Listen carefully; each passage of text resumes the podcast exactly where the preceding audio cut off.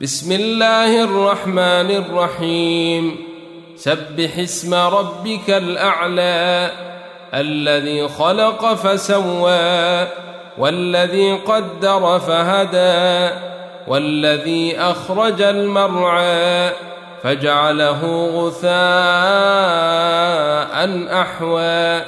سنقرئك فلا تنسى إلا ما شاء الله. إنه يعلم الجهر وما يخفى. ونيسرك لليسر.